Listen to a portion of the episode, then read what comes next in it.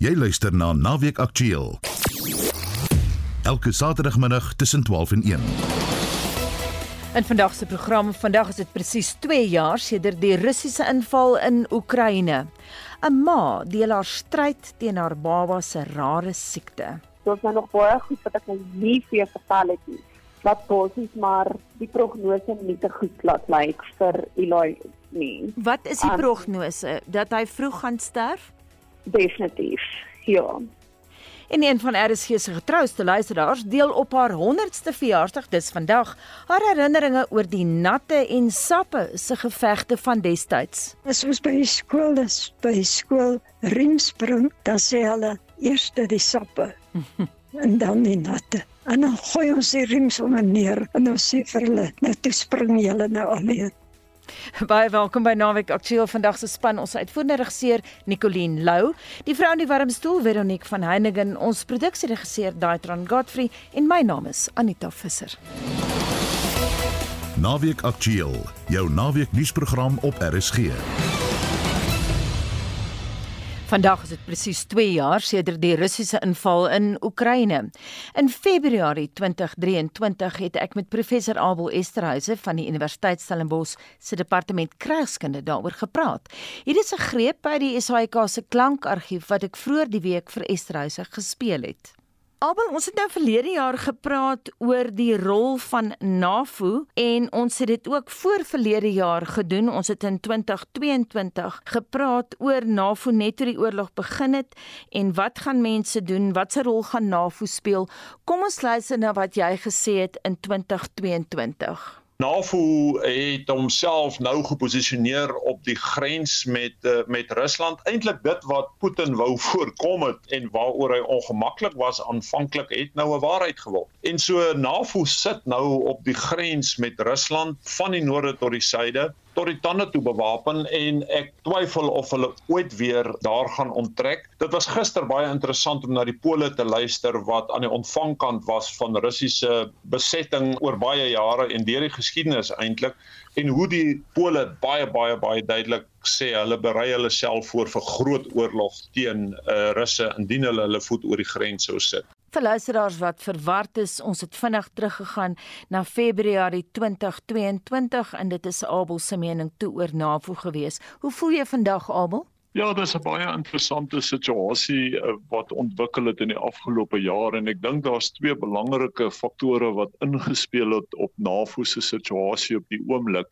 Die een was 'n um, uitstekende, ek wil amper sê 'n manoeuvrering van Putin, Iran en die Gaza konflik wat eintlik as 'n tweede konflik geopen het en wat twee belangrike faktore tot gevolg gehad het of twee belangrike gevolge gehad het. Die een was om die FSA en Europa se strategiese fokus te verdeel met die FSA wat baie meer gefokus is op wat in Gaza en die Midde-Ooste aan die orde is en uiteraard Europa wat baie meer bekommerd is oor wat in die Oekraïne aan die uitspeel is. Ek dink dis die eerste baie belangrike veranderlike wat in spel gekom het. Die tweede belangrike veranderlike wat in spel gekom het is die FSA wat toenemend as wat ek amper as 'n onbetroubare bondgenoot wil beskryf dat die FSA se binnelandse politiek het 'n kritieke element van die FSA se betrokkeheid in die res van die wêreld geword. Dit het toenemend 'n beklemmende strategiese impak op die konflik in die Oekraïne en 'n mens sal moet sien hoe die uh, Amerikaanse presidentsverkiesing hier uitspeel, maar ek dink dit het 'n verdelende effek in NAVO gehad en NAVO is nie meer die koeuse entiteit wat dit 'n jaar gelede was nie. Ek wil teruggaan na Februarie 2022 toe die oorlog begin het en jy met ons gepraat het. Ons het verwys toe na die feit dat Antonio Guterres van die VN gesê het dit is die grootste fout of die grootste probleem van sy amptetermyn as baas van die VN. Hy het gesê dat as ons dinge in 2014 reg hanteer het, sou ons nie gesit het met die oorlog nie en jy daarop kommentaar gelewer. Kom ons luister. Dan sal nog 'n ander ding. Antonio Guterres het hierdie week gesê it's the saddest moment in my tenure as Secretary General, maar hy het uh, ruiterlik erken gister dat die VN het gefouteer om nie 8 jaar gelede al sterk op te tree teen Putin met die inval in die Krimskiereiland nie. Stem jy saam met hom? Wel, absoluut. Ek dink die inter internasionale gemeenskap het eintlik die deur oopgelos in 2014 toe hulle nie opgetree het toe Putin die Krimskiereiland geannekteer het nie. En dit het eintlik die deur oopgelaat om te doen wat hy nou doen. Ehm uh, maar dit wys ook vir ons tot 'n groot mate toe hoe die VN as instelling tot 'n groot mate toe nie in staat is en nie bemagtig is om 'n uh, internasionale konflik van hierdie aard te kan hanteer nie. En dat dit eintlik maar op streeksorganisasies gaan uitspeel uiteindelik. En 'n mens moet regtig die vraag vra, hoekom NAVO toe nie sterker opgetree het nie. Hulle het nou gereageer, maar hoekom het hulle toe nie opgetree nie? En hulle het eintlik vir Putin die tipe van goue het gegee deur in 2014 niks te doen nie. Dit was 'n fatale fout. Hmm. Hoe voel jy vandag daaroor? Anita, ek staan by by my opmerking wat gemaak het. Ek dink ons het die afgelope week weer eens gesien hoe ontmagtig die VN is in sy hantering van die oorlog in Gaza waar die FSA dood eenvoudig nie wou besgegee het in 'n besluit om uh, 'n skietstilstand in Gaza af te dwing nie. Ons sien dat die teenstrydighede en die konflikterende belange van uh, veral die die lede van die Veiligheidsraad van die VN toenemend die VN ontmagtig en eintlik die VN niks anders maak as 'n vergadering waar daar gesels word oor die probleme in die wêreld nie dat hulle eintlik nie regtig by magte is om enigsins konkreet te kan optree in die hantering van die probleme nie. Nie in Gaza het ons dit gesien nie, nie in Jemen nie, nie in die Oekraïne nie. Uh dit is eintlik 'n probleem vir die wêreld. In Februarie 2023, presies 'n jaar gelede, het jy gesê ons het ons met die lengte van die oorlog misreken. Hier is jy weer. Jy het vroeër gesê dat die Russe en die wêreld het hulle misreken oor die lengte van die oorlog en ook oor die Oekraïners se terugveg aksie. Wat het die Russe reg gedoen? Ons twee goed wat die Russe reg gekry het. Die een was om die Oekraïense strategiese swakpunt uit te byt met die oorwoe vuurpyl en hommeltuigveld of om kritiese en strategiese infrastruktuur in die Oekraïne te vernietig. Hulle is nog steeds besig daarmee. Die tweede ding wat ek dink die Russe baie goed mee is, is om die wêreld aan die raai te hou oor hulle mobilisasiepotensiaal. Ons almal wonder nog hoeveel mannekrag is daar in Rusland om te mobiliseer? Hoeveel uitrusting is daar nog beskikbaar? Jou kommentaar. Ja, Anita, ons sit vandag nog steeds met die interessante situasie waar ek moet probeer om dit baie mooi te stel, maar Rusland moet die oorlog wen om nie te verloor nie, terwyl die Oekraïne miskien die oorlog nie moet verloor nie om te wen. Dit klink baie teenstrydig, maar dit is maar nog steeds die situasie waarmee ons sit. En ek dink Rusland het in die afgelope jaar, jy weet, baie sterker na vore gekom rondom sy propaganda oorlog, rondom sy vermoë om sy mense en sy industrie te mobiliseer En in dieselfde asem het ons gesien dat die Oekraïne eintlik toenemend eh, die slagoffer geword het van die FSA as onbetroubare bondgenoot en dat NAVO en eintlik Europa maar toenemend as primêre uh, ondersteuner van Oekraïne na vore moes kom. So ja, die oorlog het uh, interessant te begin raak in die die laaste jaar. Ek dink ehm um, dis nie dat Rusland in 'n beter situasie was as 'n jaar gelede nie, maar die Oekraïne is definitief 'n 'n slegter situasie as 'n jaar gelede. Hoe lank gaan die oorlog duur? Ek dink die oorlog gaan nog geruime tyd duur en die oorlog gaan geruime tyd duur omdat ek dink die Oekraïne is besig om 'n baie verfynde uh, strategie van stapel te stuur wat die lugoffensief aanbetref. Ons het die afgelope week gesien dat hulle verskeie baie baie duur Russiese vliegtye afgeskiet het. Ons het gesien dat die uh die Oekraïne baie baie goed is met die uh, maritieme strategie wat hulle besig is om uit te voer en ook uh, 'n uh, strategie met die aanval van Russiese olie-installasies. So die enigste regtige probleem wat hulle mee sit is die oorlog op land waar hulle 'n tipe van 'n aktiewe defensief noem hulle dit waar ek dink hulle toenemend net probeer om die Russiese offensief op 'n manier te stuit en nie noodwendig offensief op te tree nie, maar hulle net in toom te hou. Nou ons het dit die afgelope week gesien met hulle onttrekking uit Avdiivka uit uh, waar die Russe Russe baie baie groot ongevalle gelei het, maar ook die Oekraïne in in die proses. Abel het nou gepraat oor die foute wat die VN gemaak het, maar wat van NAVO? Moes hulle nie maar toegelaat het dat die Russe by hulle aansluit toe Putin dit wou doen reg aan die begin van sy termyn nie? Sou dit nie die hele situasie ontlont het nie? Ja, ek dink jy weet 'n mens kan nou in retrospek baie met wat kon gewees het idees werk. Ehm um, ek dink nie persoonlik dat dit sou verander het aan die feit dat Rusland as 'n autokratiese staat na vore getree het nie en dit by implikasies sou dit 'n uh, tipe van 'n ongemaklike situasie met NAVO geplaas het en 'n ongemak geskep het binne NAVO. Ek dink nie dit sou verander het aan die feit dat op die ou end uh, Rusland 'n baie baie ongemaklike tipe van uh, situasie sou uitbuit om weer strategiese diepte, geografiese diepte te skep tussen NAVO en Rusland nie en ek dink daai gegewe kan ons nie van wegkom nie. Sedert die begin van die jaar het die Russe 700 vierkante kilometer in Oos en Suid-Oekraïne vir hulle self oorgeneem. Jy sê nou aan die ander kant Oekraïne vaar baie goed wanneer dit kom by maritieme strategie. Wie gaan op die ou einde hierdie stryd wen? Ja, dis baie moeilik om te sê dit hang van 'n paar faktore af. Die belangrikste faktor dink ek is die mate waartoe die Oekraïne homself toenemend kan mobiliseer, nuwe magte kan mobiliseer. Weet die gemiddelde ouderdom van die Oekraïense weermag op die oomblik is 43 jaar en dit gee vir mense idee van hoe hulle regtig besig is om uit mannekrag uit te hardloop. So as jy nie mannekrag het nie, moet jy op tegnologie steun en dit bring natuurlik en Amerika in spel en daar is probleme met die voorsiening van uitrusting.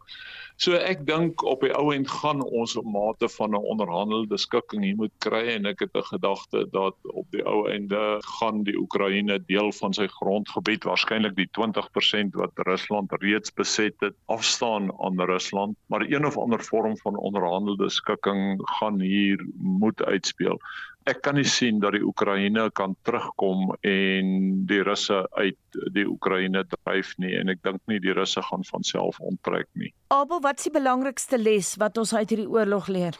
Ja, vir my is die belangrikste les die gedagte dat oorlog tussen state iets van die verlede is, dood eenvoudige misplaaste strategiese denkfout die belangrikste realiteit hier wat Putin die afgelope 2 jaar gewys het, as is nou in ons derde jaar, is dat die konflik tussen state is nog steeds 'n realiteit, soos dit sedert die ontstaan van die staatlike stelsel was. So dis waarskynlik vir my die belangrikste les en ons het dit eenvoudig sien uitspeel in die geval van Gaza ook tot die mate toe dit Gaza eintlik 'n Palestynse staat is.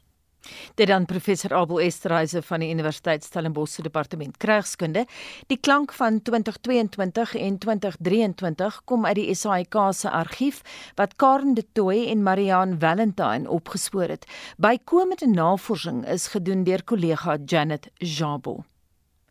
Ingwe is 'n inisiatief daarop gemik om 'n verskeidenheid van kundiges onder een sambreel saam te snoer met een doel voor oë om pasiënte met rare siekte toestande vroeg te diagnoseer. Die Ingwe direkteur, Dr. Chris Foster, 'n chemiese patoloog, het met ons daaroor gepraat. Ingwe, en Ingwe verwys na die Setswana woord 1 en ons hou van daai betekenis omdat een pasiënt belangrik is. So die gedagte agter Ungwe is dit is 'n uh, program om pasiënte wat nie 'n diagnose het nie en waar ons vermoed die pasiënt het waarskynlik 'n skaars siekte te diagnoseer. 'n Ander baie belangrike ding van Ungwe is dat dit is insluitend. So dis nie die enigste rare siektesprogram in die wêreld nie, maar hierdie programme gebeur gewoonlik in torings waar 'n paar experts sit terwyl die gedagte agter Ungwe is om die totale gesondheidsorg komponent van die land uit te nooi om deel te raak daarvan en om die nodige opleiding te kry. So dis 'n baie insluitende projek. Hoe skaars is skaars siektes? Die definisie van 'n skaars siekte is enige siekte wat 'n insidensie het van minder as 1 in 2000 geboortes. Die siektes waarmee ons tipies werk, se insidensie is heelwat laer as dit. Mens kan rowweg sê mens kry meer algemene skaars siektes en dan skaars siektes en dan ultra skaars siektes. So meer algemeen is miskien so 1 in 10000 na 31000 toe sou ek sê. Dan skaars siektes 1 in 'n 100 000 na 1 in 'n miljoen en dan ultraskaars siektes is die siektes wat so skaars is dat ons nog rekord hou van hoeveel gevalle daar in die wêreld gediagnoseer is. Sommige net my eie definisie sou wees, kom ons sê so enige iets van onder 50 tot 100 mense in totaal in die wêreld. Ek neem aan dit bly vir lank ongediagnoseer. Ja, baie van hierdie pasiënte gaan deur in Engels praat ons van die diagnostic odyssey. Dit is die tyd wat verloop vandat die pasiënt die eerste keer sy gesondheidsorg persoon konsulteer het totdat die diagnose uiteindelik dan nou gemaak word. En dit kan letterlik jare wees. In 'n gevalle strek dit oor dekades totdat 'n diagnose gemaak word. So daar's 7000 skaars siektes in die wêreld en natuurlik geen klinikus het kennis van al die siektes nie. So baie kere gaan die pasiënt van dokter tot dokter, baie onnodige toetse word herhalend gedoen en dan uiteindelik kom hulle by die regte persoon uit wat dan nou 'n spesifieke siekte sou oorweeg of dalk 'n groep van siektes en dan die nodige toetse doen en dan word die diagnose gemaak. So in Ungwe is die gedagte ook om al die ekspertise in een kamer te kry. Al is dit dan nou 'n virtuele kamer sodat ons die pasiënt kan help met al die ekspertise bymekaar in plaas van dat die pasiënt van dokter na dokter toe gaan. Dokter Foster, wat is die raarste siekte wat jy nog ooit gediagnoseer het? Hier by die sentrum vir menslike metabolomika het ons al baie raar goed gesien en ek kan nie presies vir jou sê watter een dit is nie, maar ek sal vir jou sê wat ek onlangs mee te doen gehad het. Ek dink nie hierdie siekte se naam sal ooit in Afrikaans uitgespreek nie, maar gaan probeer infantiele hipotonie, psigomotriese gestremdheid en karakteristieke gesigte tipe 2. Die geen wat daarvoor betrokke is, noem ons ONC80. So ons sal soms praat van 'n ONC80 gebrek net omdat die naam so baie lank is. Daar's minder as 30 gevalle in die wêreld al gediagnoseer. So ons praat van 'n insidensie van sê net omtrent 1 in 250 miljoen na 1 in 300 miljoen mense. Dis 'n baie onlangse pasiënt gewees en ongelukkig die familie geraak. So ons het eers die boetie gediagnoseer en toe later van tyd die sussie ook gediagnoseer. Genetiese siekte, so dit is oor erflik volgens 'n spesifieke genetiese patroon. Nie al die kinders sal dit kry nie, maar in hierdie geval het al twee kinders dit nou gehad.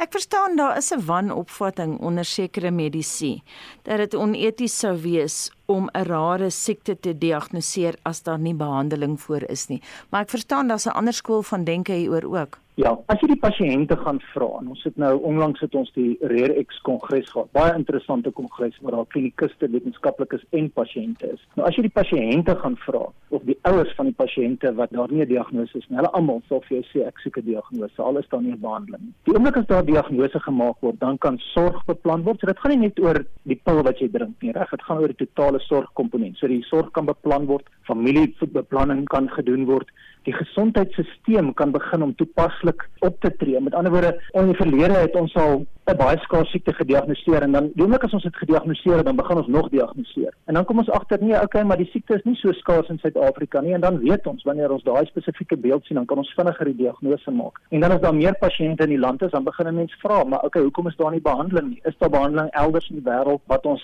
kan kry en as ons dit nie kan kry nie, is daar iets anders wat ons kan doen? Alles begin wanneer hierdie diagnose gemaak het en dit is in die pasiënte se belang en is ook in die gesondheidsorgstelsel se belang dat die diagnose gemaak word. Die ander ding is, is as daar nie 'n diagnose gemaak word nie, dan gaan die verkeerde diagnose in die doodsertifikaat en dit trek ons statistieke skeef en maak dat die verkeerde besluite in die toekoms geneem word. So 'n diagnose is verskriklik belangrik. Is daar iets soos 'n onbehandelbare siekte?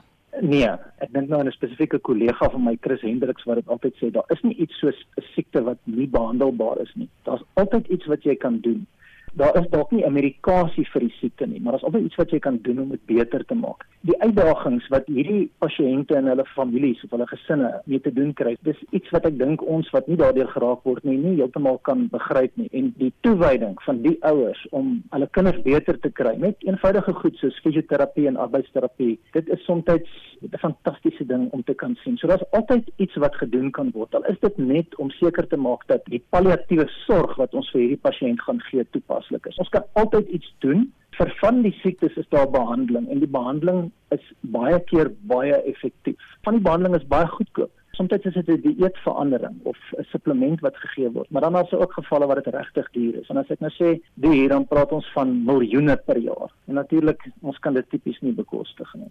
En so sê Dr. Chris Foster, hy's 'n chemiese patoloog van Noordwes Universiteit se Potchefstroom kampus. Hy is ook direkteur van Ingwe. 12:25 en ons bly by skaars siektes. Bianca Kreur se tweede seentjie Eli is op die ouderdom van 1 jaar en 4 maande onder meer gediagnoseer met primêre immuungebrek, hipotonie en metabooliese verstoring. Hy is dikwels in 'n hospitaal se intensiewe sorgeenheid en het al 2 operasies agter die rug. Bianca het haar kind se mediese stryd met Naweek Aktueel gedeel. Bianca het 'n normale swangerskap gehad, alhoewel die fetus baie stil was en nie baie beweeg het nie, was haar ginekoloog nie bekommerd nie. Dit was met Eli se geboorte in die Unitas Hospitaal in Centurion tydens 'n noodkeiser op 9 Oktober 2022 wat daar vir die eerste keer onraad gemerk is. Toe in die teater het sy pediater opgetel sy hartjie klink daar's 'n bietjie van 'n gedryf. Toe is sy bekommerd dat daar dalk iets ernstig fout is met sy hartjie. Hy is gebore net voor 11. Die ons het sy nou voor net voor 11 te prof Takawira wat 'n uh, pediatriese kardioloog is. Sy het hom uitgekry om 'n hartsonaar te kom doen. Die hartsonaar het toe basies skoon teruggekom. Daar was 'n klein PDA wat normaal is vir 'n pasgebore babatjie.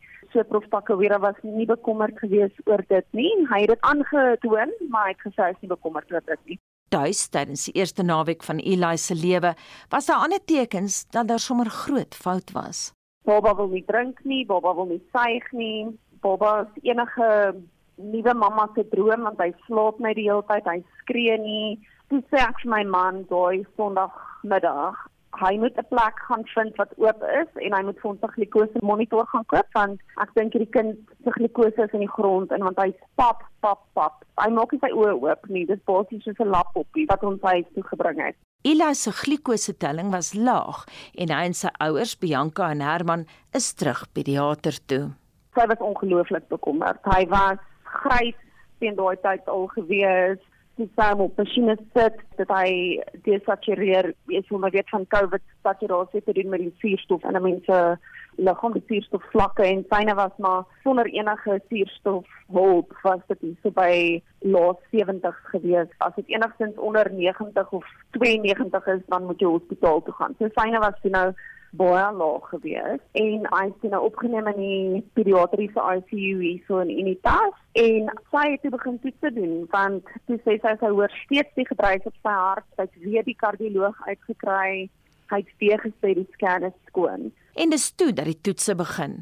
Die kromosoomtoets was normaal maar nog was dit einde nie 'n MRI-skandering het gevolg en 'n pediatriese neuroloog het bevind dat die weefsel wat die regter en linkerbreine met mekaar verbind besonder dun was, maar daar was ander probleme ook.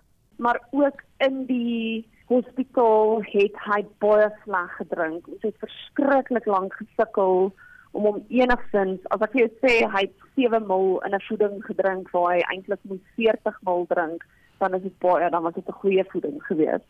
Hy was omtrent 3 en 'n half weke in die hospitaal toe die dokter vir my gesê hoor sy het nie op hierdie stadium van die geveg gesien nou van die suurstof af, sy het hom eventually van die suurstof afgekry, maar sê my hy is stuur met 'n nasogastriese buis, dit is 'n buisie wat deur die neus gaan om te voed dat as hy nie sy voeding sy bottels klaar maak nie dan het ons 'n plan B om hom kos te gee want sy weet nie wanneer gaan hy genoeg saam suig om 'n bottel klaar te maak nie. By die huis het Eli se suig en sluk vermoë nie verbeter nie. Trouwens, hy is op die stadium met hipotonie, oftewel swak spiertonus, gediagnoseer. Eli is verskriklik hipotonies. Selfs nou kan hy nie sit nie. Hy kon 'n bietjie rol op 'n tyd, hy kan nie meer nou rol nie. Hy het glad nie nek beheer nie. So hy's 'n pap pap babatjie. By dokter by Steve Biko wat in mitokondriale siektes spesialiseer hulle wou kyk op 'n tyd om dalk 'n uh, kubieke sentimeter van sy spier te vat om te kyk of hy 'n mitokondriale siekte het, maar hy het my gesê daar's nie genoeg spier om dit te doen nie. Toe nou op 2 maande omdat hy nou glad nie meer kon drink nie, het ons hom toe nou laat opereer. Daar is 'n pypie in sy maag gesit en omdat sy pediater het kind of in die toekoms ingesien en sy het my gesê weet jy hierdie kind gaan nie kan sit teen 6 maande nie. Sy het 'n ander operasie ook laat doen op hom wat hulle noem 'n nissenfunduplikasie. Dit is basies die bokant van die maag wat connect aan die slukpyp wat hulle half in 'n one-way valve in verander het sodat hy nie kan opgooi nie of sodat melk nie kan opstoot nie omdat hy so hipotonies is van sy bang vir aspirasie wat beteken dat sy melkies kan in sy longe ingaan en dit kan dan longontsteking veroorsaak of 'n verskriklike desaturasie wat dan breinskade en dies meer kan veroorsaak. Mm. Dan die brein, elke liewe MR wat ons gedoen het, ons het laas jaar Augustus een gedoen, dan ons laas jaar November een gedoen en dan het ons nou Januarie weer een gedoen elke liewe MR het 'n significant witstof atrofie getoon. So die brein het witstof en hy grys stof. Daai MR het aanvanklik gewys dat sy witstof besig om te degenereer. Die probleme wat ons nou mee sukkel is Eli is gediagnoseer met 'n primêre immuungebrek. Dit is my man het een deeltjie van sy puzzle. Hy moet maandeliks as gevolg van die primêre immuungebrek opgeneem word om 'n drip te kry Hy kry al sy kos en medikasie deur by sy. Hy kan glad nie sluk of suig nie. Is daar 'n ja. band tussen julle? Erken hy jou? Kan hy glimlag vir jou? Aan weet jy? Dis definitief van my kant af 'n band. Obviously hy is my kind. Ek is verskriklik lief vir hom. Maar ons kon nog nie agterkom of daar noodwendig kognisie is van sy kant af nie. Die 16 maand oue Eli se mediese stryd raak die hele gesin, ook sy boetie Kai, wat binnekort 3 jaar oud gaan wees. Ag, Boeta is so ongelooflik lief vir sy boetie. Hy het net eergisterand toe terwyl Boeta nou in die hospitaal is, nou sê hy nou kom ek by die huis en sê vir my: "Mamma, mamma boetie Eli huis toe bring. so hy wil net hê boetie Eli moet huis toe kom. Hy mis hom en ag hy's verskriklik lief vir sy boetie hoor. Die dinamiese Bianca, wat soos 'n waferse dokter allerlei mediese terme gebruik om haar kind se verhaal te vertel, beplan om nou self medies te gaan studeer. Die 32-jarige vrou is ook filosofies oor die gesin se hantering van Eli se siekte. Ek dink die pakkie wat ons gekry het is dalk die beste pakkie wat vir ons gegee kon word as mens dink aan kom ons sê byvoorbeeld ek moet dalk 'n kind verloor het aan 'n verdrinking eerder as hierdie pakkie wat ek nou het. Ek sou veel eerder elke liewe dag hierdie pakkie kies wat ek het want ek weet waarheen is my kind op pad, maar ek het daarin tyd.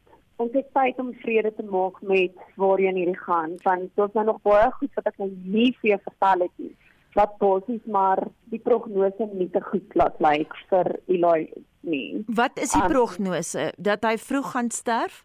Definitief. Ja. Dit dan die verhaal van klein Eli Creer, wie se ma Bianca die gesin se mediese stryd om te help met naweek aktueel gedeel het. Dr Chris Foster het alselfs 'n voorlegging oor Eli se mediese toestand by die Amerikaanse Mayo Kliniek in Rochester in Minnesota gelewer, maar daar is tans nog geen oorhoofse diagnose of oorsaak van sy kliniese simptome gevind nie.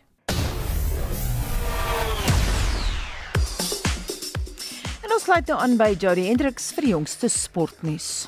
Goeiemiddag, ek begin die verslag met sewees rugby en die vierde toernooi in die wêreld sewees reeks is in Vancouver, Kanada aan die gang.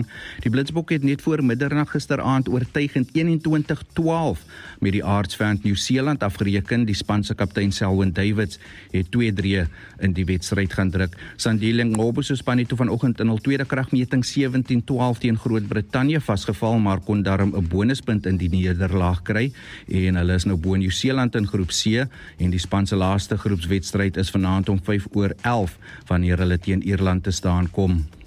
Nog rugby nuus in die ses nasies om kwart voor 4 vanmiddag is dit Ierland in 'n tuiswedstryd teen Wallis. Die Ire is tans eerste op die punteleer met 10 punte na twee wedstryde. Wallis is vyfde of tweede laaste met slegs 3 punte na twee wedstryde. Dan om kwart voor 7 vanaand is dit Engeland in 'n wegwedstryd teen Skotland en daar is bittermin tussen die twee spanne op die punteleer met slegs 3 punte wat hulle van mekaar skei. Dan uh, die laaste wedstryd is uh, môre middag om 5:00 in Lille wanneer Frankryk in 'n tuiskragmeting teen Italië te staan gaan kom dit om 'n ronde 3 se aksie tot 'n einde te bring. Cricketnuus en die vierde toets tussen Indië en Engeland is aan die gang. Engeland is eh, vanoggend vir 353 in hul eerste beurt uitgehaal. Joe Root al beste bowler met 122 en hy was goed ondersteun deur Ollie Robertson wat 58 aangeteken het. Ravi Jadeja was Indië se beste bowler en hy het 4 paaltjies vir 67 lopies ingepalm. Sokkernuus: Die Suid-Afrikaanse vroue sokkerspan Banyana Banyana is op koers om vir die Parys Spele in Frankryk later van die jaar te kwalifiseer. Dit nadat hulle gisteraand in 'n kwalifikasiewedstryd in Tansanië 3-0 met die tuisspan afgereken het en die twee spanne speel Dinsdag in die tweede been in Nelspruit teen mekaar. Dan laastens golfnuus ronde 3 by die Nelson Mandela Bay oop in die Oos-Kaap aan die gang en ons sluit aan by verloots vir die jongste vol goeiemiddag. Goeiemôre Jody, ja baie dankie. Die eh, berugte wind daar in die baai het sy opwagting vandag in alle erns gemaak en die spel is tans gestaak. Die baan is onspeelbaar weens daardie baie sterk wind wat op die oomblik daar waai. Mens kan dit ook sien aan die tellings van die spelers wat vanoggend wel op die baan was, onder andere uh Juraf Premlal 3 oor baansyfer na 9 puitjies, 'n uh, hele rit spelers 1 oor baansyfer onder andere Sean Norris, Rupert Kaminski. So sake was beslis nie maklik vanoggend op die baan nie. Spel tans gestaak. Die voorlopers op die oomblik is nog steeds die oornagvoorlopers. Hulle het nog nie hulle verskyning op die golfbaan gemaak nie. Dis Keenan Davidson van Suid-Afrika en Bjorn Eikeson van Swede op 14 onderbaansyfer. Dit gee my geleentheid om so vinnig te fokus op twee ander toernooie waar Suid-Afrikaners ook betrokke is. Op die PGA Tour is dit die Mexico Ope wat tans plaasvind. En daar is Suid-Afrika se Erik van Rooyen wat na ronde 1 die voorloper was. Hy het so bietjie teruggesak, maar hy's net een hou agter die huidige voorlopers op 10 onderbaansyfer, die voorlopers op 11 onderbaansyfer. Dit is na twee rondes. So Erik van Rooyen goed geplaas daar by die PGA Tour. En dan op die DP Wêreldtoer is die Magical Kenya Ope tans aan die gang en daar's ook heelwat Suid-Afrikaners in die veld daar. Die twee beste Suid-Afrikaners op die oomblik is op 5 onderbaan syfer, twee houe agter die voorlopers. Dit is Dion Germeshuis en Louis Die Jager op 5 onderbaan syfer na ronde 2 met die voorlopers op 7 onderbaan syfer. So tans gaan dit ook baie goed daar. Maar dan met die nuus vanaf die baai waar die Nelson Mandela Baai Ope tans plaasvind, spel op die oomblik gestaak weens sterk wind. Ek is verloots vir RSG Sport. Ja, dis nou 12:38. My naam is Anita Visser. Jy luister na Naweek Aktueel en soos gewoonlik werk Wessel weer op 'n Saterdag en hy toets sommer vir ons hierdie week 'n bakkie en hy antwoord 'n luisteraarsbrief.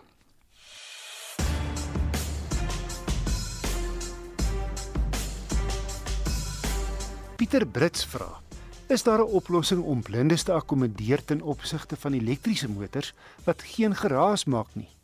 Dit is nou baie gevaarlik om paaie oor te steek as jy hulle nie meer kan hoor nie, skryf hy. Ek het ouer gewoonte gaan kers opsteek by Nicolou, 'n tegniese konsultant en die besigheidsontwikkelingsbestuurder by SVU gepantserde voertuie. Wessel Pieter het natuurlik 'n punt as dit kom by die voetgangerveiligheid en elektriese voertuie, want ons almal weet dat elektriese voertuie ry amper geluidloos, veral as dit vergelyk word met binnebrandvoertuie en dit kan 'n groot probleem veroorsaak as 'n mens 'n pad moet oorsteek en nie die voertuig kan hoor nie. Nog te meer as jy sou blind wees.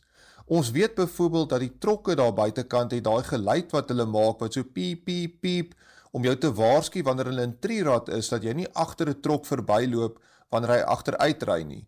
Nou gelukkig het groot lande se regulatoriese liggame besef dat elektriese voertuie gaan hierdie risiko inhou vir jou voetgangers en daarom is die reëls verander dat elektriese voertuie teen lae snelhede 'n geluid moet maak om voetgangers te waarsku. Wat interessant is is dat die geluid nie voorgeskryf word nie, maar elke vervaardiger kon sy eie geluid ontwikkel en dit moet net gehoor kan word bo oor enige agtergrondgeraas. So dis baie interessant om te gaan luister hoe klink die klank wat elektriese voertuie dan teen lae snelhede maak as jy voor hom sou verbystap. En ehm um, jy kan gaan rus gaan kyk op die internet en gaan luister hoe klink verskillende vervaardigers se klanke. Dit is van 'n snaakse tipe white noise geluid tot 'n binnebrand enjin tipe klank tot 'n futuristiese klank wat dan nou deur 'n luidspreker wat gewoonlik so voor onder die enjin kap sit vorentoe geprojekteer word om dan na jou voetganger te waarsku. So hoe vinniger die elektriese voertuig ry, hoe meer geraas gaan die bande en swaan ook maak. So die groot probleem is teen laaspoed. So Pieter, moenie bekommer nie, die moderne elektriese voertuie is ontwerp om jou voetganger dan nou te waarsku. Die tegniese kenner Nicolou van SVU gepantserde voertuie. En nuus in die SVU stal is dat die Volkswagen Amarok bakkie ook nou gepantser word. Enigiemand is welkom om motornavraag na my te stuur e-pos na wissel@rsg.co.za. Toyota is pal besig om sy 8ste generasie Hilux reeks vars te hou. Die posisie as plaaslike topverkoper gebeur nie sommer van self nie. 'n Nuwe GR Sport met 'n breër spoor as die gewone Hilux en hibriede modelle kom volgende maand. Intussen het Toyota verlede jaar met klein verbeterings die Hilux reeks opgeknap. En vir die eerste keer kos Hilux se duurste dubbelkajuit meer as 'n miljoen rand.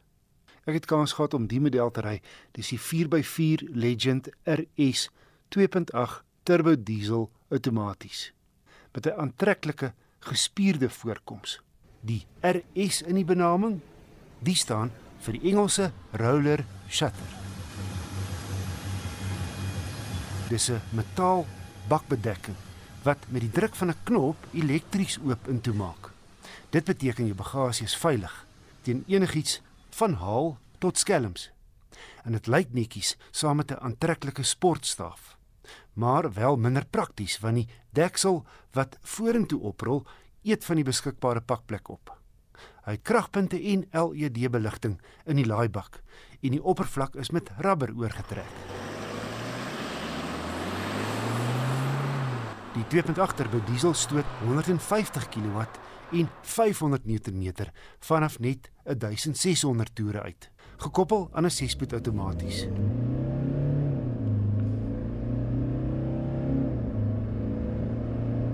Teen 'n ware 120 lê die toere teen 'n rustige 1960. Ek het op die langpad 5 mense aan boord en agter volgepak 8,7 liter per 100 km gemeet. Maar verwag met gemengde ryery 'n syfer van so 9,5. Soos verwag teen die prys is Hilux se vlaggenskap Lux toegerus met onder meer 'n topklankstelsel met 9 luidsprekers. In die sentrale skerm kan ook musiek stroom en bied toegang tot goed soos navigasie en verkeersinligting.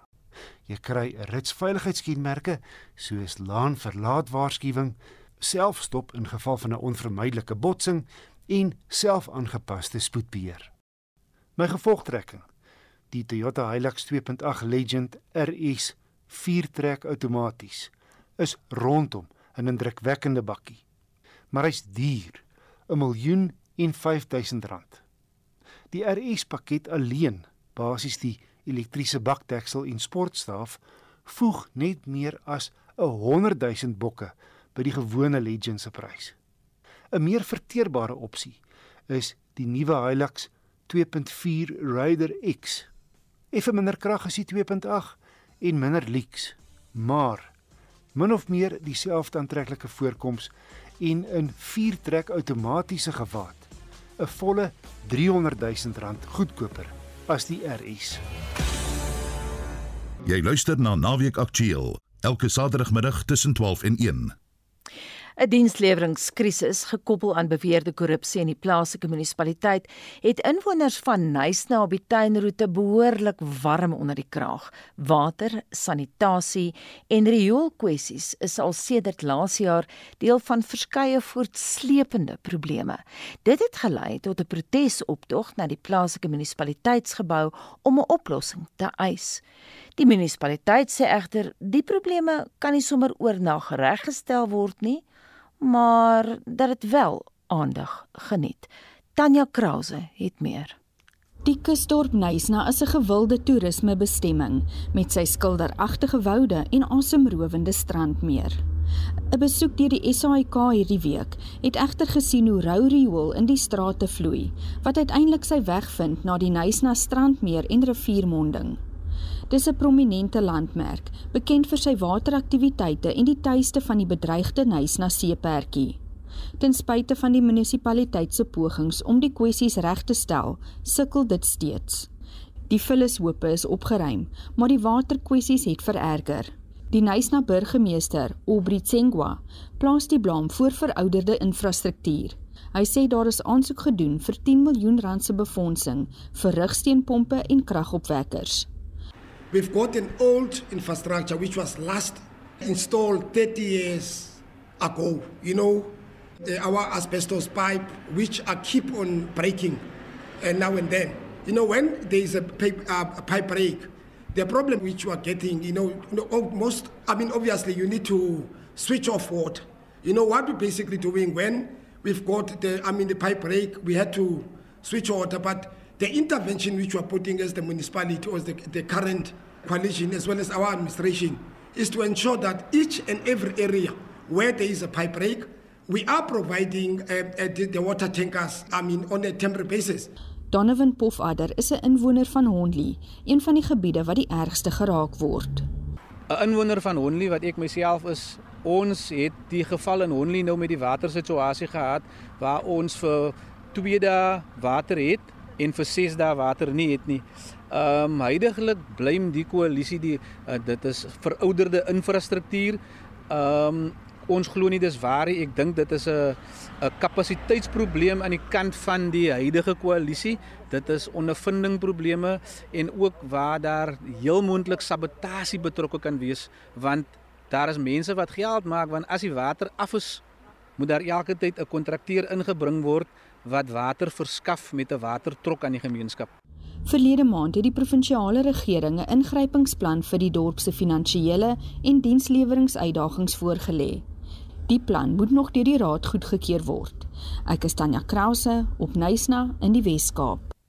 Een van RSG se getrouste luisteraars, Tannie Chrissy Venter, is vandag 100 jaar oud. Sy was 'n nooi Ferreira wat naby Bultfontein in die Vrystaat gebore en getoe is. Later is sy op 2 Julie 1946 op Kimberley getroud met Jan Venter, 'n huwelik wat 69 jaar geduur het. Vandag woon sy baie gelukkig in Ellen Park tuiste vir bejaardes in Kempton Park. Tannie Chrissy spog met 6 kleinkinders, 8 agterkleinkinders en 2 agteragter kleinkinders. Dis juis een van die kleinkinders, Sonet, wat die onderhoud tussen Tannie Chrissy en Naweek Aktueel gefasiliteer het. Tannie Chrissy en wyle oom Jan Venter was op hulle dag gesoute reisigers. Hulle trouens ook op die beroemde Union Castle gevaar en het selfs die Seychelles eilandgroep gesien op 'n tydstip toe eksotiese reise minder algemeen was as nou. Later het hulle met 'n karavaan waarvan hulle oor die jare meer as een gehad het, Suid-Afrika deurkruis, maar laat Tannie Chrissy self vertel. Ons het altyd ons kinders ook oral saamgevat. Maar hulle het ook te naderhand groot geword en ook hulle vriende ontmoet en is ook getroud. Maar ons het nog maar altyd deur met die karavane. En heel laaste ene, toe kon ons nie met die karavaan inkom, want ons het van die huis afgetrek na die woonstel toe want die huis was te veel vir ons. Mm. Toe die kinders uit is. Nou ja, toe hy kom by, het hy gevat en hy het hom gerestoreer met mat uitgelê en alles. Ons het 'n stoofie ingehaat en ons het 'n uh, double bed en ons weerskante van die double bed het ons ligte, ons wil lees. Mm. En met hom het ons baie rondgery. Chrissy Venter het as 'n nooi Ferreira op die plaas Verneeksvlei naby Bultfontein in die Vrystaat groot geword. Tannie, vertel my 'n bietjie van Tannie se grootwordjare. Ek verstaan Tannie hulle is met die donkiekar dorp toe, skool toe. Nou vertel 'n bietjie van daai jare wat onthou Tannie. O, van ek begin skool gehad het, het ons ons bure het saam met ons gery en ons kinders was dieselfde ouderdomme en so het ons nou lekker met die donkiekar gery en toe naderhand het my pa self 'n perdekarretjie met een perd het hy vir ons kinders toe sy ander nou met die donkiekar maar ons het toe nou met die kar gery. Daar was daai jare maar baie armoede net tannie. Uh ja, maar ons het nooit het ons swaar gekry. Ek het baie goeie vader en moeder gehad. Ons het op verneeksvlei gebly. Wat nou ernstig was, was ons kon nie water. My een oom het boor gehad, hulle boor en geen water nie, maar hulle het 'n put gegrawe en toe hulle met die put wat jy die emmer laat sak, met die katrol bo en dan 'n een emmer sak skep vol water en dan kom die ander ene op weer. En toe my pa weer later het hy eerder vir ons handpomp opgesit. Toe kon sy die water net sommer uitpomp. En so die jare maar gegaan en ek het my pa gehelp want hy was baie sieklik. Jy weet ons plaas was so vierkantig. Sy naam was Verdeeksvlei. Toe hulle nou dit uitgedeel het, sy ouers het hulle nou 'n bietjie daar het 'n foutjie ingekom of so. Toe kry hy nou die uh, kleinste daarom het hy dit genoem verneeksvlei. Tannie sê bietjie vir my, hoe ervaar Tannie die lewe vandag met beerdkrag, met al die probleme wat ons het met water en elektrisiteit? Herinner dit Tannie aan die ou dae? Ja, dit laat ons nou en ons het lampe gebrand en alles en kersse groot weer geword En dit was moeilike jare gewees. En jy weet ons is gebore op die plaas ons het groot geword met kersse. Na naderhand het my ouers die lampe, het die perfillampe uitgekom. Kan tannie onthou van die oorlogsjare? Ja, weet jy, nou laat jy daarvan praat toe het ons 'n paar maande by my skoonma in die huis gebly toe ons getroud is. Dit was altyd tyd daar 'n vragmotor gekom met al die goed wat ons nie mag kry nie en jy kon net 'n sekere hoeveelheid kan jy kry. En ek weet reis was die, die vernaamste. En daaroor het ek ook nou altyd in die ry gaan staan. Dan kry my skoonma meer reis jy sien Aha. En sy staan voor en ek agter. Ek was maar ook toe nog jonk gewees, jy weet. Wat Chrissy Venter ook goed onthou, is die stryd tussen die natte en die sappe. As ons by skool is, by skool riemspring, dan sê hulle eers die sappe en dan die natte. En dan gooi ons die riem sommer neer en dan sê vir hulle, nou toe spring julle nou alleen. en dit was nogal nie vir niggies nie. Mm. Hulle was baie jaloers op die nattes. Tannie, hoe voel Tannie oor die politiek deesdae? Gaan Tannie nou hierdie verkiesing stem? Ja. Haar kleindogter Sonet lag te lekker as mense haar vra oor haar ouma se plesiertjies in die lewe. Ai, sê sy, ouma en haar kniekombersies. 'n Antwoord wat gelei het tot my volgende vraag aan Tannie Chrissy ek verstaan Tannie is vreeslik was altyd baie lief vir vir bak en uh, Tannie brei vreeslik kniekombersies. Wat gee vir Tannie plesier in die lewe? O, brei.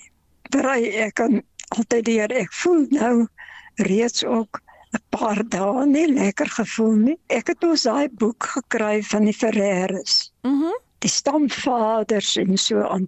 En ek het daai boek so geniet om om te weet dat hier 8000 Ferreras in Suid-Afrika en ander lande ook. Ek het hier nou al twee Ferreras by ons mee uh, jy weet almal ken mekaar mos hierso. Dit is wat vir my so bly maak. Sê vir my Tannie Chrissy, wat is die belangrikste les wat Tannie in die lewe geleer het? Om met mense bevriend te wees, om altyd te lag as jy by iemand verbyloop, al is hy nou 'n ander persoon en hy smile vir jou, dan smile jy terug. Of hy sê vir jou hallo, dan sê ek ook hallo. En dit dan een van RC se getrouste luisteraars, Tannie Chrissy Venter, wat vandag 100 jaar oud is. Ons stuur dan ook hiermee die hele redaksie se heel beste verjaarsdagwense aan haar. So Elton John se skatryk aanhangers se aandag was Woensdag gefestig op die afslaer Christie's in New York waar die inhoud van sy ganse superluukse woonstel in Peachtree Road Atlanta verkoop is. Sy klerekas en juwele was ook te koop en van die items wat ons aandag getrek het was 'n uiters rare Rolex horlosie getiteld Leopard Daytona wat dateer uit 2001. Die onbekende nuwe eienaar moes 176400 100 Amerikaanse dollar, dis 3,4 miljoen rand daarvoor opdog opdok liewer. En nog een van Elton John se talle horlosies, die sogenaamde Cartier Tank Normal met 20 diamante en 16 safiere is vir dieselfde prys verkoop. Nou ja, die Cartier Tank Normal se beraamde waarde was 20000 en die reserveprys 18000. Hieroor was daar groot opgewondenheid by Christie's, soos een personeel dit gestel het. Daar's absoluut niks normaal aan die Cartier Tank Normal nie.